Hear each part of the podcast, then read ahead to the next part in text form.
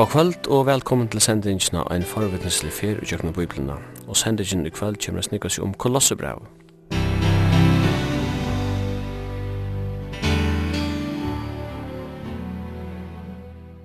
Henda sending er at høyre lindene kvart mykje kvöld klokka 19 og endersent veri frugjöda 17 bar klokka 15.30. Og i studion er Suimen Absalonsen, Jekvan Zakariasen og teknikar er Taurur Poulsen. Kolosserbrevet er eitt av tæmum so nevndu fangsulsbrøvunum ur Rom. Paulus hevur helst skriva brevi om ar einatrush. Bøyren Kolosse var kvartje stórur ella kendur. Han la i landsloten Asia omlai 150 km estanfyrir havnabøyen Efesus. Samkomman i Kolosse er helst stavna samstundet som ta ståra evangeliska virksomhet for fram i Efesus, som frasagt er i Apostelsøvn kapittel 9. Møveliga er samkomman kommet saman i husen hon tja Filimon. Tan lutla kolosse samkomman hever helst æsni veri høyt av falskon læren som til dømes gnostisisme og judaisme. Hetta var ikkje avkjent i samkomman i Asia. Ligla året i braunen er størleikje Kristusar. Kristus Jesus er framan undan ötlun. Alt er skapt i honom, alt er skapt vi honom og til hans herra. Han heldur æsni öllum skaparversinum uppe, og i menneskjanon Jesus i bor öll fylling goddomsins. Allir visdoms og kunnskapar skattir er jeg finna og i Jesus Kristi. Jeg søtja møyra av Kristus i er vera besti heilevaver møte lykka sæle og vidlaing. Hette kan det stått om sies er vera innihaldi ui kolossebraun.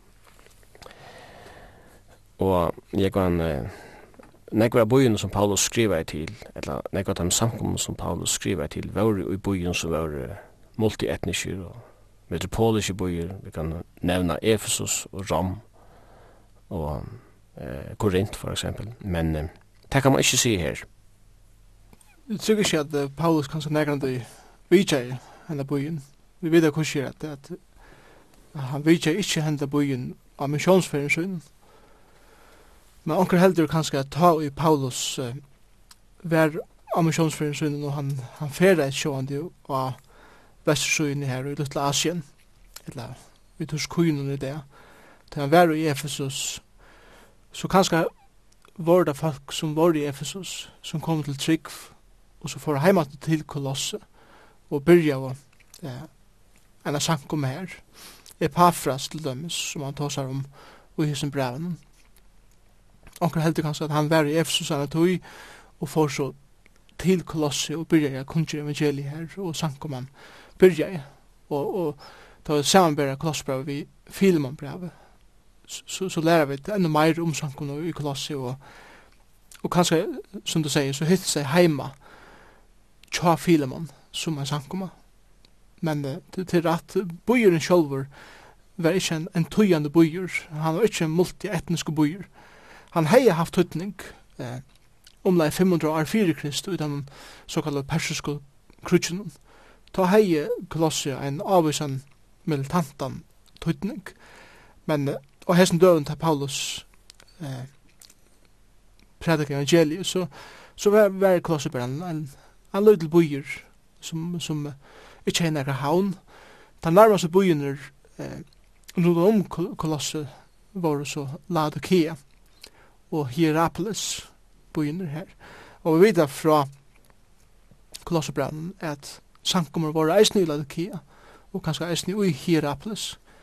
Så, så her sørger vi at Sjalt om Paulus var i Efesus og kundgjør evangeliet, så er, er folk som var i Efesus færen ut til nekvar av sin smarre byen i Lutlasien Og her kundgjør evangeliet og samkommer byrjar. Og så vi at her, her, her er den mynda av trimen byen, byen som har sankommer. Og vi vil lese eisen om Bergen 2 om, om era byer i Lutla Asien, hva sankommer er. Men kanskje var det nekva samkommer i nekva små plassen som vi ser ikke videre om i det, men som avunleggen skal komme et, jeg viser. Det er jo tossa om Efesus brev, og tossa vi nekva om byen, og vi var inne på Artemis-tempelen, som det stender at alt Asia eh, var jo tilbjere av Artemis, og det kom nekva pilgrimer, til Efesus ur Atlan Asia. For jeg dyrka hendan her, jeg sa, godindina kan man sia. Men det stender også i apostelsövning at i samband med det som för fram i Efesus så var det vi en tvei år det evangeliska virksomhet så ständer at alt i Asia finge årgods a høyra. Det vil si at boiren Efesus han hei ut fra boiren var et virksomhet som brødde seg om, om alt Asia Og det hever kanskje øysen veri av tog at det var sånne kvall som strema i tilbojen, Jesus. Og herfra er sikkert sankoman sprotten i kolossum. Jeg tror at det er ikke nemlig tog at Paulus valgte seg sånne strategiske byer, byer som Efesus, tog at han visste at her er mest trafikker, her kommer folk, her kommer eh, bøndene, kan man godt si, fra landen, fra sin smarre byggene rundt om byen, inn av eh, marskeplasset a selja sina vörer færa så heimat Og, og vi vet at Paulus, han, han får bæg til synagognar, men eisne inn á hese plassene hver eh, de selte vører, altså, altså marskeplasset i, i bøynun. Og her prædik en evangeliet, og, og, og til en egna stårer eh, møla 24, at, som han sier her, at evangeliet sprettes til alt, Asien, her, her tykker han hoksar først og fremst om Lutla Asien, Torskuje, vet jeg. Og, og så det spyrir jeg og samkommer er her senere. Ja. så ser vi kanskje uh, begge funksjoner til Rotterdam og Mekka. Ja, det er, det er, det går med, det må godt si det, ja. Det er kanskje ångas han i brøvnen at han understryker tøytningen av Kristus som uh, skapande kraften som, som han som hever mynda allheimen og heldur öllun uppe som du sagt her i Kolossebrand i første kapitlet. Da er tanke på på at han skriver til en øyla lytla samkomme, og så beskriver størleika av Kristus her. Han sier, «Tog i hånden var alt skapt, til himmelen og til hjørne, et kjennelige og et avkjennelige, virt han ha seg til herredømmer, tykkene edel av alt, alt er skapt vi hånden og til hans herre, han er framan undan ødlun, og i hånden er det at alt er standant.» Så Kristus er liksom iver allan, framan undan allan, alt, alt fyrir oppihildi og i hånden. Hette er uh, et, et, malbruk som vi faktisk ikke er aslan i brøven. Da vi lesa Kolossebrev, så, så er det ikke anna brev hver så nek for kjørsburs ur hver Jesus Kristus er, som i Kolossebrev. Og, og tilsjående eh, tog at Paulus taklar en trobelaga som er ui samkomne i Kolosse, særlig av virkende gnostisismene som, som heina forvrenglega eh, lærer om hver Jesus vær. Og, og tess vegna kjer Paulus så med den ekburs ur a skriva om hver Jesus er. Kolosserbrevet, Lujas nok snakker Efesusbrevet, kan man godt sia Jeg leser angstene at uh, det er 55 ørende i Kolosserbrevet. 8 av fyrsta timen er jo nesten identisk vi vers som jeg finner i og, og til oppbygg på samme måte. I Østbrann har vi de første trutje kapitlene eh, som har vi lærerne gjøre, vi godførende gjøre, og de seneste, eller sørste trutje kapitlene har vi det daglige liv jeg gjør, hvordan vi så livet okkara, kristna liv. Det er det samme her i Kolossebraun. Kolossebraun i fyra kapitler, og tvær der første har vi godfunn jeg gjør, særlig for Jesus Kristus er, og person, eh, bare alltså människa Kristus och guddom Kristus är vi vi tosan kom her. han brukar eisne ein ein parst av øren kapitlet at tale motor hesten her og han peikar av hver til er som hesir falske lærerne lærer skrift og så er han ut tria og 4 kapitlet her her viser han så at nu, ta i hesten er Kristus ta i til heva alt det her rúgdum í Kristus så skulle dit liva tekra liv dagliga så det samma vi hon så att tvärda sysk kapitalen i klassbrann kapitel 3 og 4 peika av det praktiska kristna livet men uh, han, han peikar omedelig nek og nemlig som du sier her hvor Jesus Kristus er. Tog at trobladjen er her vi gnosticismen Vi det var særlig trutja trobleikar her i samkommun i Kolosse. Og den største av teimen er gnostisisman, som vi, vi kommer nok nærre inn av hva gnostisisman er om man lette løte. Et annet vers som du nevnte, jødeisman. Jeg har det for ritualisman. At, at her var jøder som snukket sine sankumna, som byrja å undervisa hvordan området var at halda okkur til ritualer og, og, og vandan som var ui tui. Og en annar trobladje ui um, ui hins sankum ui kolossu var det som man kallar fyrir, fyrir ascetisma, man kan eisne kalla fyrir antinomianisma. Og, og til, til henda læran om at, at uh,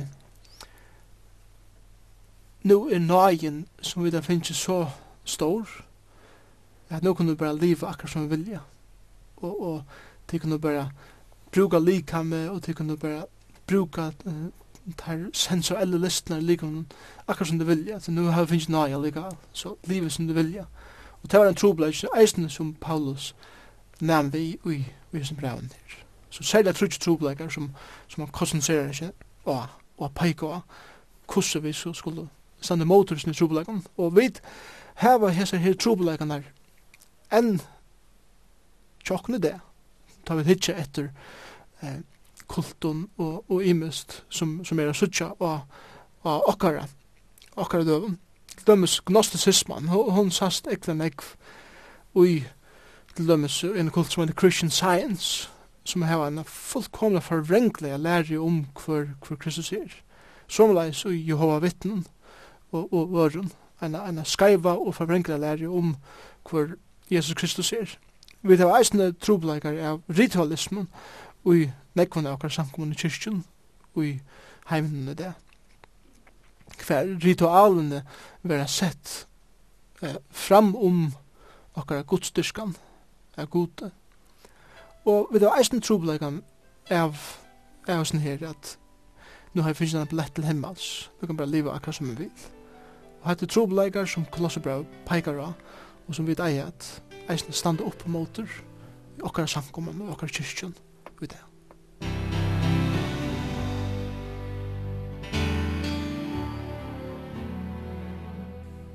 jag kan vi gör någon det som man säger här i början om Kristus om om man kan se pre pre-existence som man säger se att att han var Aronheimer var grundaver och som Johannes Ösen säger att allt är vår till vi hon och utan han är inte vår till att hur som till er till det som samma linjen du sagt i första kapitlet i Kolosserbrevet hat er en uppkjør vi gnosticismen.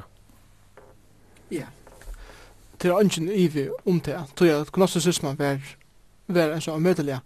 Hun var sånn lønnsklæra, tog jeg tatt ut så omøtelig vel at jeg pakka henne pent inn, og, og få henne lydjast til, til verdig læren om hvor, hvor Kristus var. Men Paulus, som du sier, han, han, han sier det for å komme på plåss. Her bare, et som jeg kjente gnostikerne, det var til at her kom inn i, i samkomne um, og rønte av vise at okkara læra er grunda av eh, lardar menn.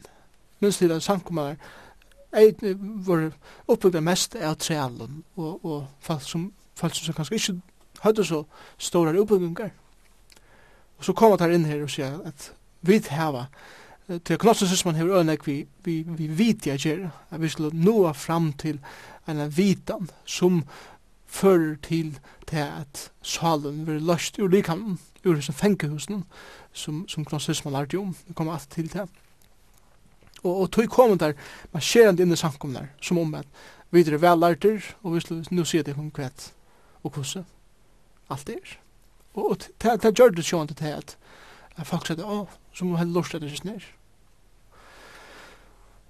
Det er så et som jeg kjente det her, og, og en metode som er brukt Men det kommer til uh, lærerne om gnostisismen, så i samband vi kristendommen, da det kom inn i samkommunar, så var det en forvrengla lærer, lærer om kristologien, eller om hvor Kristus, Jesus Kristus, var.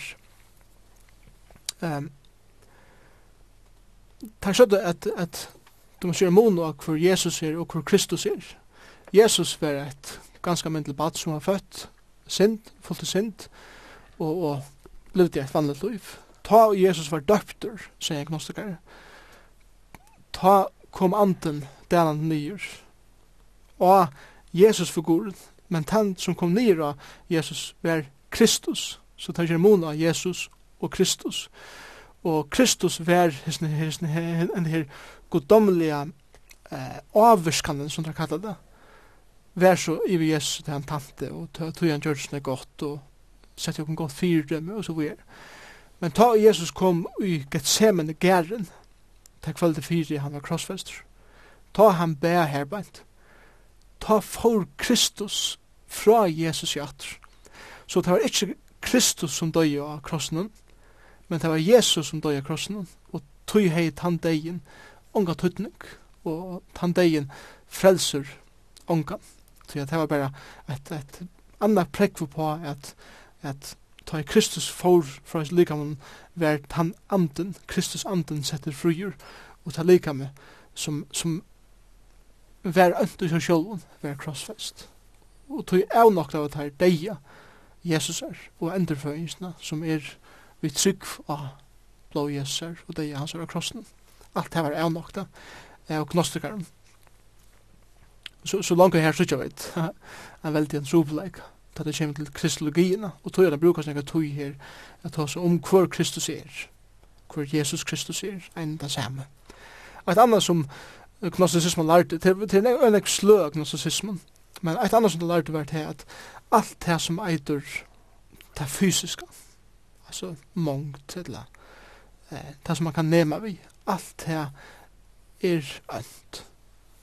Det er ønt i seg sjølven, og, og likame som eit menneske er ui er ønt. Det er østlig av noen ønden som er, som er hent. Og, og salen er ein fengje ui hesne likame. Og salen er, hos skal setas fri. Og tog må vi av nokta likame. Og, og jeg, jeg nevnte uh, og Johanne, ascetismina. Det er til at du skal berja deg sjolvan og pyna likame nyer. Og det er en trobladj som, som Paulus eisen nemmer vi her bænt i, i øren kapitlet. Og, og det er sånn at, at god kan ikke heva nega som er ønt. Og, og så er spørningen hver er det ønta komme fra. Og, og det er sånn at, at god skapte nekvar ærer godar, lærte gnostisismen. Og ein av sånne her goden var et vannskjebelse som var, som var født og han var upplekaver. Og tann goderen for at hevna seg inn og henda perfekta goden som klassisman langt og setter, vært han goderen som skapte himmel og gjør. Og, og det var eit av tog som hesten goden, kan man godt sija, abortera, altså, han, han gav en abort. Og at han aborten var uh, gjøren, og det som var skapt. Altså, evne og, og det som man kan tega og Og han var en vreie god, han var en dømande god, han var en hetande god, og så videre. Og nazismen lærte at ta i så hessene Kristus kom ivor henne person som er Jesus. Det var en annan god som, som hessene her og frona i goden har jeg sendt til gjerrar fyrir a bjerga menneskene fra hessene ønda gamla testament goden og han var så iver Kristus i enn tog og som sett jeg kunne godt fyrir dem etter og, og tog skulle vi sørge fram og måter å være løst ur sin her likamnen og være bjerga i til tann og prunalige goden som de lærte om at. Så, alt det her er, er øyla vrenglar som kommer inn i samkommer og som fullkomliga bæge eh, er nokka gamla sment og, og skaper fullkomlige. Så langt her sitter spørsmålstekning vidt han skaparen og, og og en forvrengelig mynd av hver Jesus Kristus er. Og alt det med Paulus nu skriva til der, og hjelpa dem på, eh, ja, på føtter at. Og, og de, de, de røyne at, at færre ivi til det her, at jeg nokta lika med at berger seg sjálfan og så. Og Paulus sier, vende fra oss nær at, vende fra oss som skriver læren, og let meg vise deg å her, hver Jesus Kristus er, hver god er, og hvordan skreiv gnostisismen er. Men du tar som gnostismen så er vi hos nek om Johannes evangelium. Jag håller Johannes evangeliet gir opp vi nek av som tanken den här. Och Johannes var jo en av apostelen tja Jesus. Men uh, selv om evangeliet ikke er en en hva skal man si, teologisk avhandling så hade det tryckt när Kolosse helt for å lese det evangeliet tja Johannes det er mulig å skrive 20 år at han har Kolosse brev å skrive. Det hade helt ikke nu gör det som väntat. Så det er en situasjon som vi i dag ikke då å sitte oss nå i. Jeg hadde det som du sier her, er utrolig område jeg vil minnast. Det er ofta så huksa vi atretter og halte at de høtte alt som vi i det har avgångt til og ta vitan som vi har det. Men som du sier, høtte det nemlig slett ikke.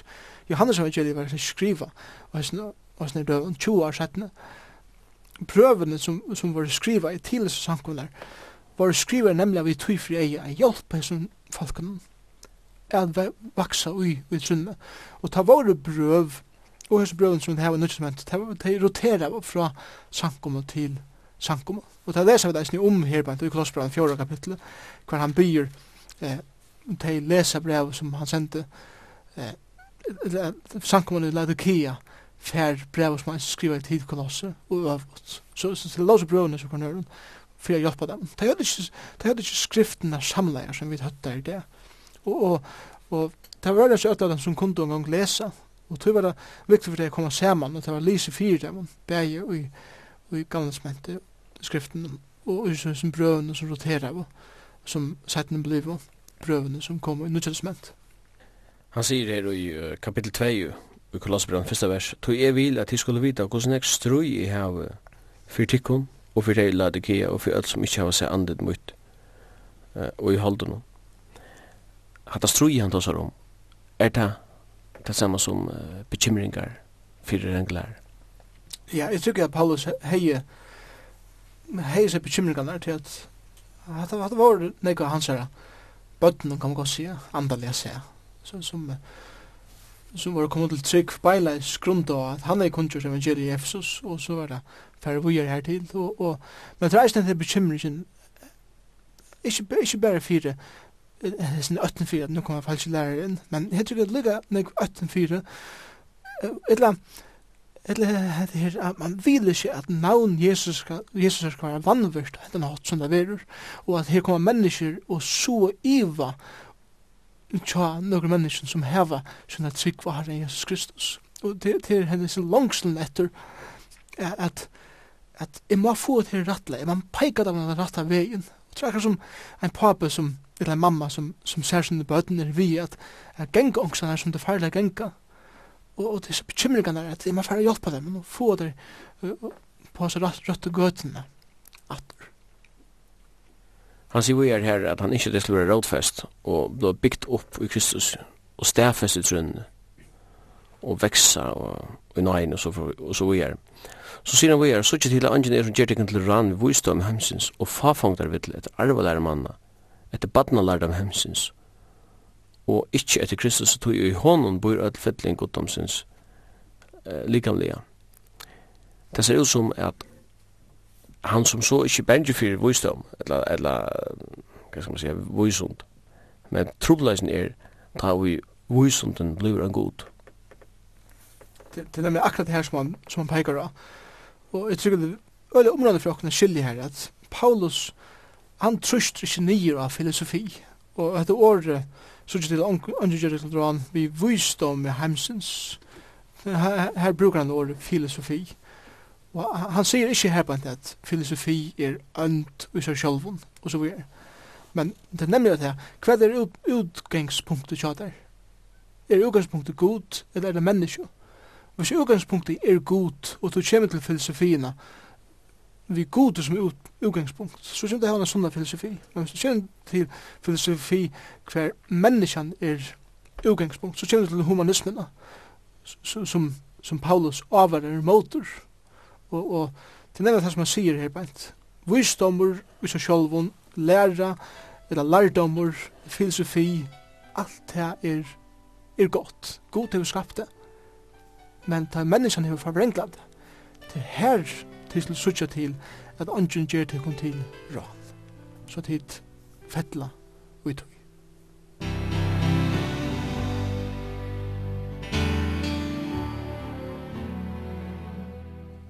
Og i vers 6 sier han, «Anso tid av tidsi møte Kristus, herranen, livet så løs og i hånden».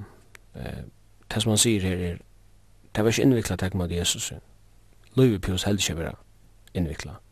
Spørner hva det gjør det til. Han sier, livet så løs og i hånden. Og så kommer han inn på krossen, som jo er det sentrale i evangelien. Er at, «Eisen tikkun så var deg i sintun, og øvumskorna standa tikkara holdun og gjørdi han livande vi Jesus, han fyrirgav okkon at misbrud okkara, og utstrykka i skuldabrevet møti okkon som i boven syne gjekk okkon er møti, han tøk da bort, vi er negla til a krossen, og krossen han er østen sentral i kolossebrevet.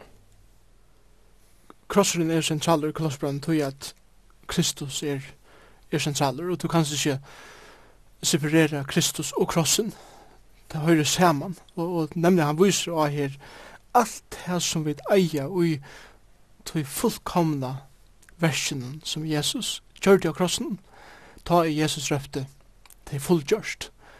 Og, og han, han fra visokken av tjøkken til brevet, til å møte det rydgjødøm som vi har her beint. Og, og til dømmelse, han tar seg om fyrirgjøving sindan, jeg vet det endurløst. Han tar seg eisen i øren kapitlet, som, som du just les, at det var et skuldabrev imot dere. Og, og det skuldabrev sier at hit er å Tid er dømt, tid er skyldig. Men han utstryker det fullkomlig Og at verset som du les først her, i, i øren kapittel vers 6, «Ens og tid tog hava tidsje vi måte Kristi Jesus i Herren, livet såleis i hånden. Alltså ordet liva, det, det är ett ord som kan omsättas att genka. Det samma som är brukt i, i Galaterbrön. Live och i andan, genki andan. Hvordan skulle vi genka andan? Eins og tid til vi har tidsi mot Kristi Jesus. Det er det samme som at vi må omgående gløyma hvordan vi kommer til Jesus. Hvordan, hvordan tog vi det mot Jesus? hvordan kommer vi til trygg for Herren Jesus Kristus? Og Bibelen lærer helt greit at det er vi omvending og, og det er vi, vi trygg. Det sier samme som at vi er liv akkurat liv og i hese trunne av Jesus Kristus og hans var fullgjørda versk av Golgata kross. Og til nega som vi kviloi, vi trygg for det og vi grunta akkurat gjerande sted og at det trunne. og vi kvila ut hui som eisen hever trygg for gjerra kvila i Kristus. Og omvending, omvendingen som får fram til vi kommer til trygg, det var det vi vender oss fra synden okkara til Herre Jesus Kristus, og vi bjør hon i okra liv. Men det kristne livet hever eisne eklan ek vi vi ta daglige omvendelsene, eller ta daglige rensanen jeg gjør. At ta i synd kommer i mitt liv, så, så bi jeg gjort i minna synd, og bi jeg rensa meg fra at det er åretvis. Og det er det som omvendig er, at da jeg vender meg fra synd, så ikke vender meg alltid til han. Og hver jeg for synd kommer i mitt liv, og synd mot herren, så gjøtt i mine synd, og byen om å rensa meg. Og det er det som omvendig er. Og så er det eget han tryggvandig at livet og janda, livet sitt liv eh, sammen med herren, at genga sammen med god. Jeg trygg vi av han, jeg, jeg grunner mine, mitt alit, at han skal føre meg alle vinn heim i himmelen, og han. Og ta i liv mitt liv her jeg gjør, og i synd mot honom, så venter jeg vi, gjøtt min synd, bygger man om man renser meg, reiser meg opp og færre vi gjør sammen i honom.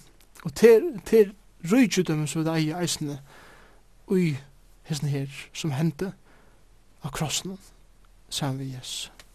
Ta en som sier bant at han har ledd i ångan døma tikkun fyrir med etla drekka, etla uvikjande høgtøy, sjølkom, etla sappate, så viser han av her ceremoniell boa som er kommet utanfra, og han er nu sappat her til senast, at han uh, gjør en grøy avbending om at det hadde trobelaga vi jødaismen. Ja, og det er ønsken, ønsken evig om det, og han, han gjør det mesterlig at han har akkurat vust av da hva Kristus har gjort. Han har gjort alt fullkomlig, han har utstrykket skuldarbrev, og, og han har vust som sier herra over ødlån sier han punktum. Og så sier han, lete tøy, og det året tøy er området, grunta av at Kristus er høver samkommunar. Han er han som rever, han er han som er sikre i røtlen. Lete, ta det ikke døme for meg til å drekke, da vi får kjent i høgt i solkommun og sabbat. Og han sier her bare til at hese falskene som nu knappt kommer inn i samkomna døma det kom fyrir det som dit eta, eller døma kan fyrir det som dit drekka, eller døma kan fyrir tykkara høgtyr som dit halda, eller at sia at dit skulle halda sabbaten heilajan.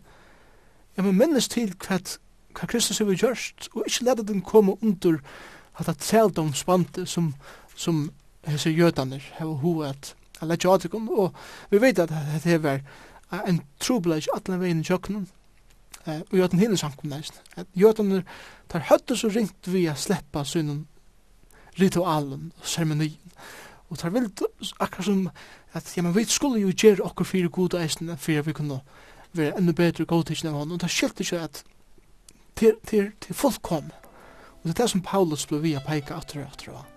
Det er frals ur Kristus, njóte fralse, men brukja det best ikke til sent. Og være kan det eie Kristus, og er det så er sann ut og i som tid som det gjør.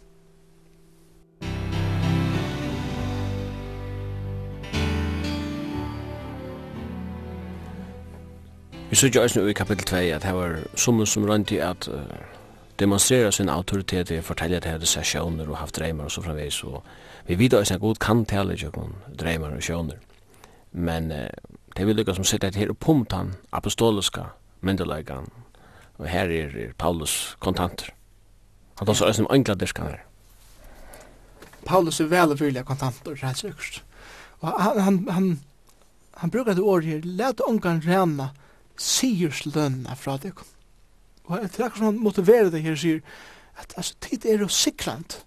Det han handler just peika av Kristus her i, i 5. døren, i kapittel 2, at det er han som vurses som sigers herra i ötlun. Og han sier til at ui hånden, ta tid er ui hånden, så er tid eisne sikrant, og til skal få løn, som er det sigers lønnen. Men, men ikkje leta nekan komme inn og rene til fra dikon, så sier slønna.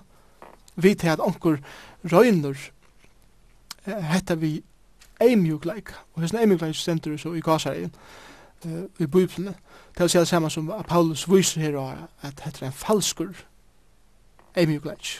Hetta er ikke nekan som kommer fra hjertan, hetta er folk som røyner komme inn og spela go, spela eimjuk, men det er jo ulvar vi sier skinne som kom inn og atla at og letja.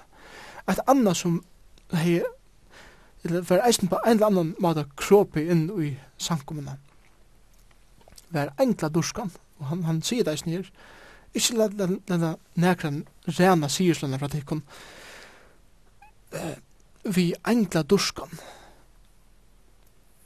vi til at han tekst vi til som han hei se i sjónun, og utan grund upplostur av holdliga sinnesynen. Så det er akkur som eh, trobladjen, som du sier, er til at de legger denten av det ivenaturlige, som de vil gjøre så skjønnelig som mulig. Det er ikke ivig om sånn at det ivenaturlige er her, og, og at englaveren er her, og så videre.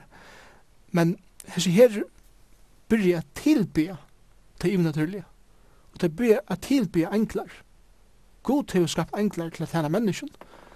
Tar tjener andre, tjener de andre som God sender ut at utføre arbeid som God ikke reagerer. Tar slik tilbyast. Johannes eh, helt at engene var godomlig, han, han leis nye tilbyan i oppenberingsen med engene sier vi han, ikke tilbyan med er det bare felaks samtjener til. Og, og det er regnet sier her, men det er visst som, som som personer var, var falskt. Eisne det her suttja sjoner, hver er litt det her suttja sjoner, og suttja tegjen, og så var hagre enn den apostoliska autoriteten som er grundar i Kristus. Og jeg tror vandet som han over, over det imot. Og sen her til å halda ikkje fast vi hødde, som at lika med vekser vøkst gods ut ur hjelpt og samanbundet av lijon bondu sin. Det er det samme som at det er opplåst, men det heldas ikke til Kristus. Det heldas ikke til autoriteten. Det, det er grunda det som det sier, av sånne egne kjensler, av sånne egne erfaringer, og, og, og, og sånne egne opplevelser. Og, og Paulus sveikar her at det er en utrolig stor vante til at det fyrir fra tikkara apostoliska myndelega og grunda alt bare av tikkara egnu erfaringar. Og det gjør til at de missa kontaktene vi høyde som er Kristus. Så her er en trobeleik som man, som man eh, tåsar om. Et annet som man tåsar om her med eisen er er tid vi Kristus deg fra badnalarndom i heimsins. Kvui redde de ta som tid du liva i heimen og enn slukt på litt av tikkun, så gjør han boje, teg ikkje, smakka ikkje, nem ikkje, han legalisman som nu hever eisne snuksi inn i samkomna. Jeg har falt kom inn og sier at du måst ikke gjøre hattar, du skal ikke gjøre hattar, du skal ikke gjøre hattar, og rena så hans fralse fra den tryggande som det heva i Kristus, og du måst ikke teka hattar, du måst ikke smakka hattar, du måst ikke nema hitt, og, og så vire. Legalisma, som til verri eisne er suttje nekvun samkommun og kyrkjen i det. Og han sier alt dette er jo atla til øyingar vi har vera brukt, det skal brukast. Og vi skulle smakka, vi skulle drekka, vi skulle eta, vi skulle bruka ting i okkar dagliga livet. Alt slukt er bo og lærdom om mamma, at man ikke skal gjøre det. Og så er det anna, en annan trobladj som, som er peika i eh, eisen ja, hetta hefur vust år fyrir vera vustamur vi sjolv aldar durskan eimjukleik og ringar viffer av likam. Og her, her er det vi koma til at man skal benka likam som gnostisisman, lærte jeg egnan ekv. Ikkje nøkron som er æreverst. Det er ikkje til utan a metta holdt at er en den troende, menneskelige troende i okkon, at oppnå okkur sjolv i okkon sjolvun. Men det er ikkje verst i Baldus. Og i tre kapitlet så kommer man inn på alternativ. Jeg søker det som åman fyrir er, her som Kristus sitter, og så framveis. Og så sier han med landa i, i kapitlen at led år Kristus er byggva ryglige middeltikkara. Og jeg husker mer at hetta ratje som de var utsett fyrir, bei filosofist og religiøst. Det beste høyle var møtet og det var år Kristus her. Men hisse tryggvande høyde ikke nekka bibelen. Her var de haft sitater av Jesus som ni skriver, eller hvordan gjør ordet Kristus bo i middeldeg? Jeg tykker at det som Paulus sier til her, er, er sjående nekka som er dokumentera, nyskriva. Men vi meist eisen minnes til at og hessen døven så, så vært han eh, altså orala eller at han munnliga eh, viten av åren eisen brukt at de de myntost hva jeg var sagt, og så var. Og, og, og det var eisen en tradisjon som, som var brukt. Og han alt var skruva nyer. Og det var, som sier Johanne, så, så roterer vi disse brøvene etter og fram. Og, og det var minnska av lyse, kanskje hadde jeg kopiera disse brøvene. Og han har sendt det vujer og så vujer. Det, det videre ikke akkurat. Men år Kristus er sipar til begge det som jeg sier i evangelien eh, selv om Johannes ikkje var skriver her enn, så vi det, og det som var skriver i brøven, til at det lærdommen i brøven er grunnt av alt det som Jesus lærte og gjørte i sin liv her. Og det sier Jesus jo under visen og lærer seg når jeg i Johannes 16, at det skiljer ikke alt nå, men det skulle minnast, og heilig andre skal åpenbære for det kun eisen det som kommer eh, fyrir framman, nutidsment. Og tog sier han her bænt, lær i år krysser, byggva rykliga mittelnikkar, heit er best i heile varen, uh, i motor, falskon, lærun. Ikke sett oss nye å diskutera filosofi, eller heller ikke sett oss nye å diskutera hva held to, og hva held to, og hva held jeg, men hva sier år, så her vi må atter til, atter og atter. Det er egentlig avhverst, uh, ta vi samanbera det som han sier her, fylgjande, vi Efesus brev. I, i kapittel 5, vers 18 i Efesus brev, sier Paulus, Drekje dere ikke strukken av vune, men let dem fytla av andan. Og ørstle de her vært her, de sunker solmar, de eh, tås av ikon annan, de spalto, de var undergjuvne, mellom mann og kvinne. Kvinna var ungen mer enn elsker kone sina. Bøtten var ungen sine foreldren. Foreldre ærte sine bøtten. Træleren, tante, herren, vurste viring, tja, arbeidsmannen, tja, så så videre. Det var alt østlig det av å være fyllt av andan. Ta så hittar det her, og han sier, let år Kristus er byggva ryklig mittel tikkare. Så sier han, så til vi ødel vysdom, lærer og amne kan anna vi salmon, låsong og andan vi vysdom, og sinj indisli gjørsten tikkar, vi er god. At akkurat det samme som han tåsar om i Efsbrand 5.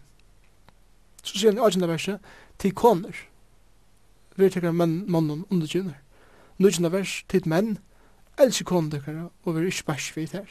Akkurat samme minster som i Efsbrann 5, tid bødden, akkurat foreldre tikkar, og i ødelen, til fedrar, et ikke bødden tikkar til rei feisjon dørende, tidsaler, aktiv i øtlen etter herren tikkara. Og så fjore kapittel vers 1, tid herrar, gjerri mot tjelen tikkara til som ratt og hamplet er.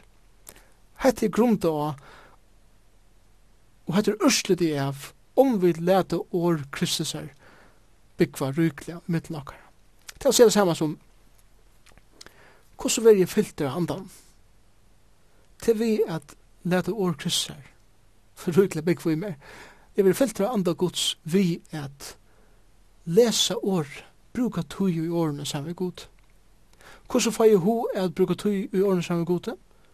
Vi er bare filtre andan. Så her sørger vi eh, hvordan anden og året arbeider saman. Og vi kunne ikke, vi kunne ikke separera hele andan og året saman. Og, og tui var det Luther leiser sånn dent av andan og bøkstaven, eller andan og året hvordan det var og hvordan det var sterskast vi at vi har tenkt saman. Og Ørstlede kommer å suttjast i familjeløvnen, sankomløvnen og eisne i eh, sosialløvnen og arbeidsmarsklein. Her som året og anden roa. Du nevnte det her i verset som herre sender tid trealer aktiv ötlun herrartikar som uh, etter holdt noen. Og til onkur som hava finnst tepos ut i at uh, Paulus vimmeler trælahald i stedet for at uh, motivera til politisk reform. Hva heldur om det? Han snakkar slik om at det her. Paulus snakkar slik om uh, trælahandel her. Paulus tåsar inn i en situasjon som hun er Og hon tosar om, han tosar om omsøvnar som tar nu eina for er. Og enda mal så Paulus er ikkje her for å skriva at nu slår vi av i atlant handel og så videre. Han, han tosar ikke om det. Han tosar bara, nu er situasjonen så som den er, tidsaler, ver fire myndalir og i tusen tidgjera. Men nest, at tid er å eh, træler, men tid er eisen tænare herrans. Tæne tøy tikkar jøreska herran, som tid eisen tæna herran. Det er domlet, det finner nøy ikke gode. Og han sier eisen tid herrar, gjere imot du tjene tekker det som ratt og hampele þér.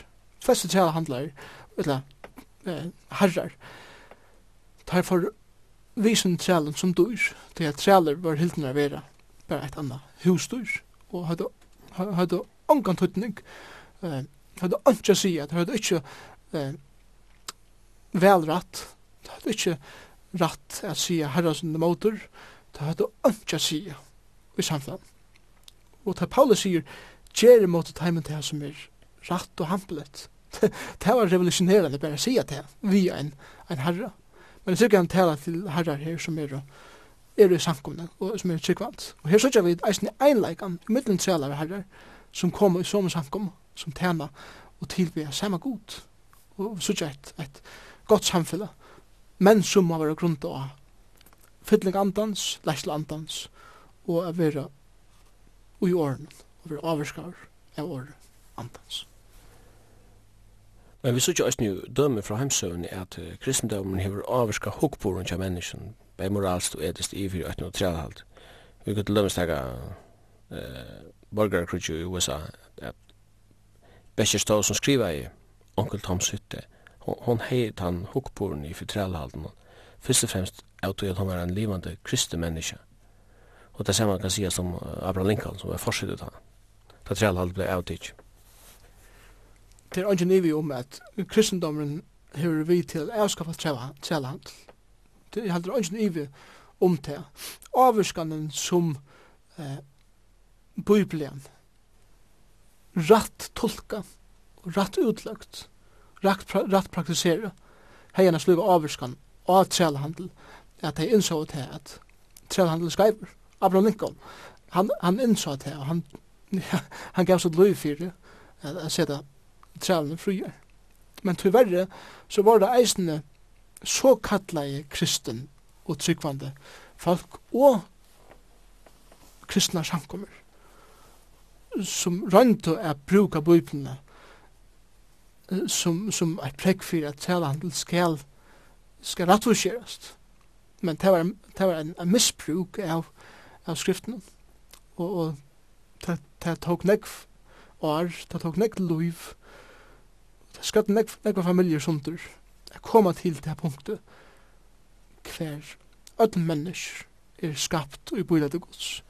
Öll hava sema rætt og sama, sama ergångt og samme rett og møvelegge at liva og uttrykja sitt liv her er gjør som god hever givet dem liv og det er så samme rett og myndelegge til det Bibelen lærer det ekla rett og i sånn her så synes jeg det lykka at det er jo imiskir statter som er i heimen og Bibelen gjør ikke øynleg på sjur endelig at alt skal bare være jaun i ötlen men heldur Paulus sier her bænt, tess støvene som dit er ui, er det ui nu, og hvordan livet det ut i situasjonen inntil det kommer til oksan. John Newton, han var kipar av en træla kipen som, som uh, sildi til Afrika. Her var blitt træla fengar her, så var han kipar av kipen som, som førde der i Rom, Atlantshav. Han var en herre brutale med her, beskriver han seg sjálf. Søttene møtte han Jesus, ble endefødt menneske, og skriva i uh, en av kjenteste sanger som jeg kan skriva over, Amazing Grace. Han sier, that saved a wretch like me. Det sier sin rom at han mette om sitt farna liv. Ja, ja det var ikke jo sin tøy. Jeg tar seg vi en mann her fyre som, som har vært i Afrika, og han var av stenen her som, som Newton eh, bove og her som han handla ifra. Og fangsle som, som sitt sittralene var sett i Arnda var ført i skipet vujar. Og, og, og han sier det er at fangsle gjørs til et museum og, og som viser hvordan utrolig av menneskelige hese tralene var riffaren og, og tålen som var brukt til å pyna der vi og torturera der vi. Og og sånne som levde ui, og nekv, og nekv vi skriver om Newton her, eisne, det er hva han sier, og hva han gjør det, og hvordan fruktelig han var ved disse tjallene. Eisne er et modell av skipen, om hvordan de så ut, hvordan tjallene levde her nere, uh, og hvordan nekv døg av vi iver, og, og det var meningen at det skulle være krøster saman som det var nere i botten av skipen, tog at det var bedre sterskere som skulle ivliva som, som var nega verdt, og det var så selter. Hitt var bare var bare blek i ubor. Og han sier til at at han er hei ser hei museum, at han er hei ser hver for mever Newton vær, hvordan avmedelig under han vær, og, og, og hvordan han får i menneskjen. Så han til hever Amazing Grace, hever hever tansangren finnes jeg en fullkomlig nødjan tuttning fyrir meg, tog at ta vi synger Amazing Grace, så hugsa vi bare om hvordan nøy er. God til, men ta vi sutja enda sangen og nøy god til om kjønne mannen som Newton, som var så lengt nirre, som var så under at han eisne var vinstur og var bjergaur, hei oppebore dom men fikk nøy, ta sier han at hese sangerne er en fullkomlig nudjan, tutning, tutning, fyrir meg, og han, og han er vissnar av nudjun kusse endaleis og obegrensa og treitarleis nei Guds er i mot mennesk lyka mykje hva det hever gjørst i liv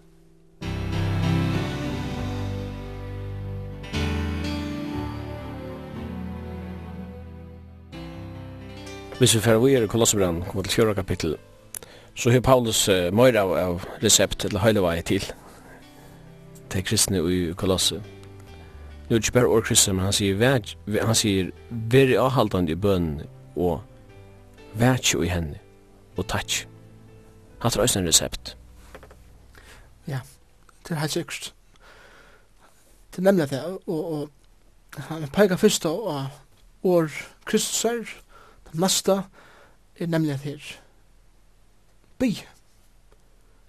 Veri i, i støvare kommunikasjon, eller samskifte vi herra dekkara. Veri i samskifte vi Jesus Kristus, vi god. Vætje ui henne, og takk. Etter året, ver avhaldant. Det er, um, altså, at, at vera, ikke gjøre pæt. Lad, lad, lad bøn vera en, en parst av tunnen gerens deg. Og i öllum omstøvun, i öllum situasjonen som, som, som du kommer ui, ui denon, bruka det som en, en møvleik a bia til herra. Og så sier han vetje, og han brukar et annet år i, i Efesusbrannen, og her, her brukar han året orvetje, veri orvetje. Faktisk samme år som, han, som, han, bruk, som han brukar. Vetje i bønnen. Eh, eh, ikke bare bia, holdt sovant, og ikkje hugsa om det som du, som du byr om, eller bare slant jo ut, men byr og vær konsentrera i om det som du byr om, og så gjerne tatje, la, la tatjene, ei kjenne, tekkara bønnerløy.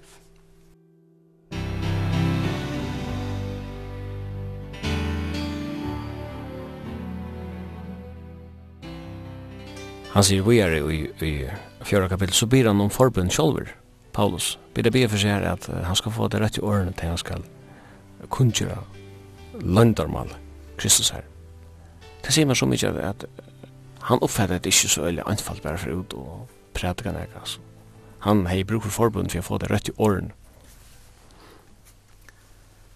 Paulus var en maver som, som var en bønner hetjo. Det var ikke livet om det, men han var eisne maver som var eimyk nok å si at til må bia fyrir mer til må bia fyrir mine omstøvn, og i meg sjølven kan jeg ikke. Og bia fyrir at jeg skal få dirve, det jeg snakker om i Efsbjørn, dirve at jeg kunngjøre året, og her, her, her byr han og sier, be at Gud skal lade opp dyr fyrir oss. Tje oss nødja møvleikar atter og atter, jeg kunna lute evangeliet, åpna dyr til at tala løndamål Kristus er. Og hetta viser oss eh, kjeltene som Paulus sier finnes sin påskap fra. Det er ikke bare hva som helst Paulus prædikar. Åre er løndam av kryssar. Det er det samme som at det er, det er nekka som han ikke kunde vita utan han er finnst det vita fra ungnøren. Og løndamålet er nemlig at her at Gud hever han atlan. Er frelsa mennesker og landamålet er til at han sendi sånn som Jesus Kristus til å gjøre av dødja fire mennesker og det som tryggva han skulle få et evet liv til landamål landamål er eisne at han skal, han skal samla folk oppbyggja en samkomme at utinna sitt arbeid her gjør alt det som evangeliet inneber båskaperen om Kristus og hva han har gjørst hvor han er hvordan han arbeider og for, for hver skuld, altså for Kristus skuld som er, er nå i lunchen, og det sier bare til at han, han sitter her i Rom, og i, i fenghusen i Rom, lunchen over til en hermann. Så at jeg kan åpenbære til, så som jeg er til. Det er akkurat som en sånn langselen etter at jeg slipper at åpenbære det. At, er at året åpenbære er, er, er Et annet ord kan man godt för kan man säga avduka en avduka en en standment og eh av kunnkjøra nega som folk ikkje har seg over, kunnkjøra nega som folk ikkje visste over. Jeg viser meg ut, jeg viser meg fortelle folk om glede på skapen, jeg frelser jeg få i Jesus Kristus, og bygge fire at jeg skal tale til som jeg eier tale. Og det er år Kristus er ikke bare det som er vi hoa sida, men at det som jeg er tala, at det er vittne Jesus er, og vittne fyrir år Jesus er, og tala år Jesus er. Og, og Paulus han, han, han byr og bøna til om at bya fyrir seg. Herren skal tjevna henda møleika, en av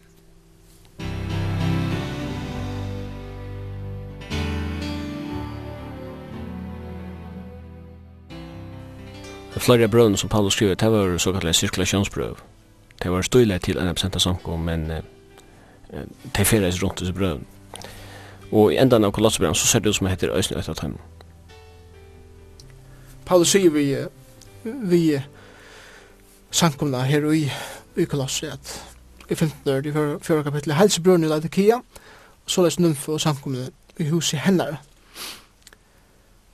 så sier han, ta i hette brev vi lyser opp kritikken, altså kolossbrev, så gjør det til at eisen vil lyse opp i samkomne i Ladokia,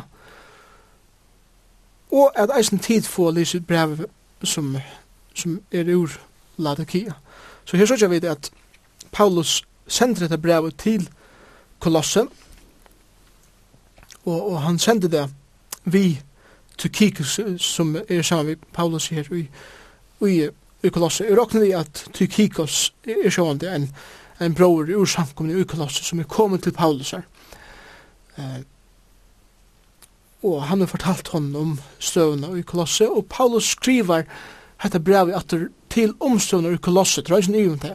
Trobelen vi, vi gnostisismene og vi legalismene og ritualismene og öllum hinn trobeleikon vera finna i Kolosser. Så, så Så brevet er skriva til omstøvnar i Kolosse, i hans lokale samkomne. Men, men det er ikke det samme som at dette brevet ikke kunne brukas nærkere ærestander. Men sjåan de hadde hinner samkomnar bruk fyrir høyres i årene, tog at omprøvene bare er lokal, og, og det skulle bare haldas lokal, så hadde vi ikke haft bruk for kolossbrønnen, det er helt, det er helst til at lakere omstøver. Etter årgods, årgods, er, er tala til avvisar omstøver. Ingen nye om det. Avvisar geografiskar eh, et geografisk plås som eh, var folk eller einstaklingar eller samkommer som det bruk for at høyra det som tilbruk for høyra. Men av tog at årgods er livant og er innblåst av gode så, så er det nyttelett til alla situationer, til öll stø, til öll mennesker, til alla tøyer, og, og tøy våre hese brøvene sirkulera fra samkomme til samkomme, og brevet som Paulus er, eller som onkra er sendt til, til Adikea, og jo Paulus skulle nu lyse opp i samkomne og i kolosset tog at de kunne eisen lære av tog, og til Laodikia kunne eisen lære av tog som kolossemenn hørte. Og så som vi kunne lære av kolossbrand det, tog at Kolosserbrevet talar inn i okkara situasjoner, i okkara sankumon, i okkara kyrkjon i det.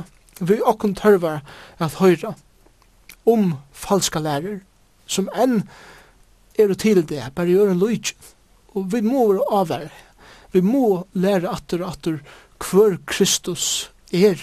At han er elskar i sånne gods, at, at han er, er han som endurløyser okkon og fyrirgjur okkon synder okkar, at han er, han er uimynd veru guds at han er skapare hensins, at han heldur öllun upp, at han hefur sikra krossen, at blå hans hefur rensa og utstryka okkar synder. Vi må læra det her og vera ament atter og atter om hver Kristus er.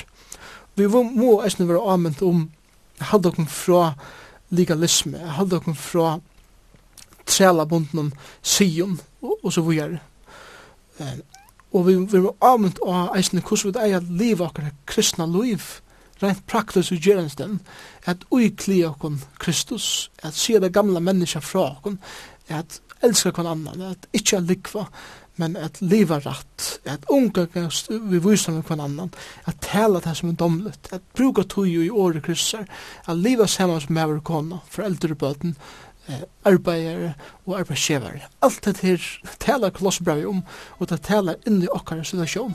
Tøy er, er det områdende at hese brøvene sirkulerer. Og jeg er glad for at, at vi har finnet Kolossbrevet. Eisen omsett til okkar mål, som vi kunne bruka i okkar samkommun og kyrkjene der.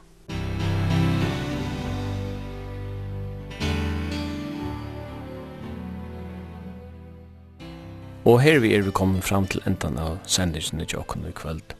Jeg skal til sys sige fra at henda sendingen av en farvunnslig fyr i Jokon Bibelna er at høyre lindene kvart mykje kvöld klokka 19 og det var enda sendt frutja det 17. part klokka 15.30. Og i studion er Simon Absalansen, Ekvan Zakariasen og teknikar er Taurer Poulsen.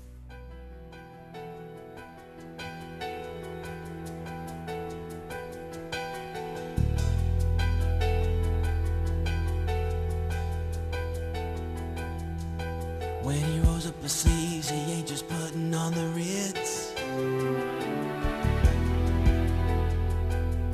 There is thunder in his footsteps and lightning in his fist. The Lord wasn't joking when he kicked him out of Eden. It wasn't for no reason that he shed his blood His return is very close and so you better be believing That our God is an awesome God. Our God is an awesome God. He reigns From heaven above with wisdom bar and dove Our God is an awesome God.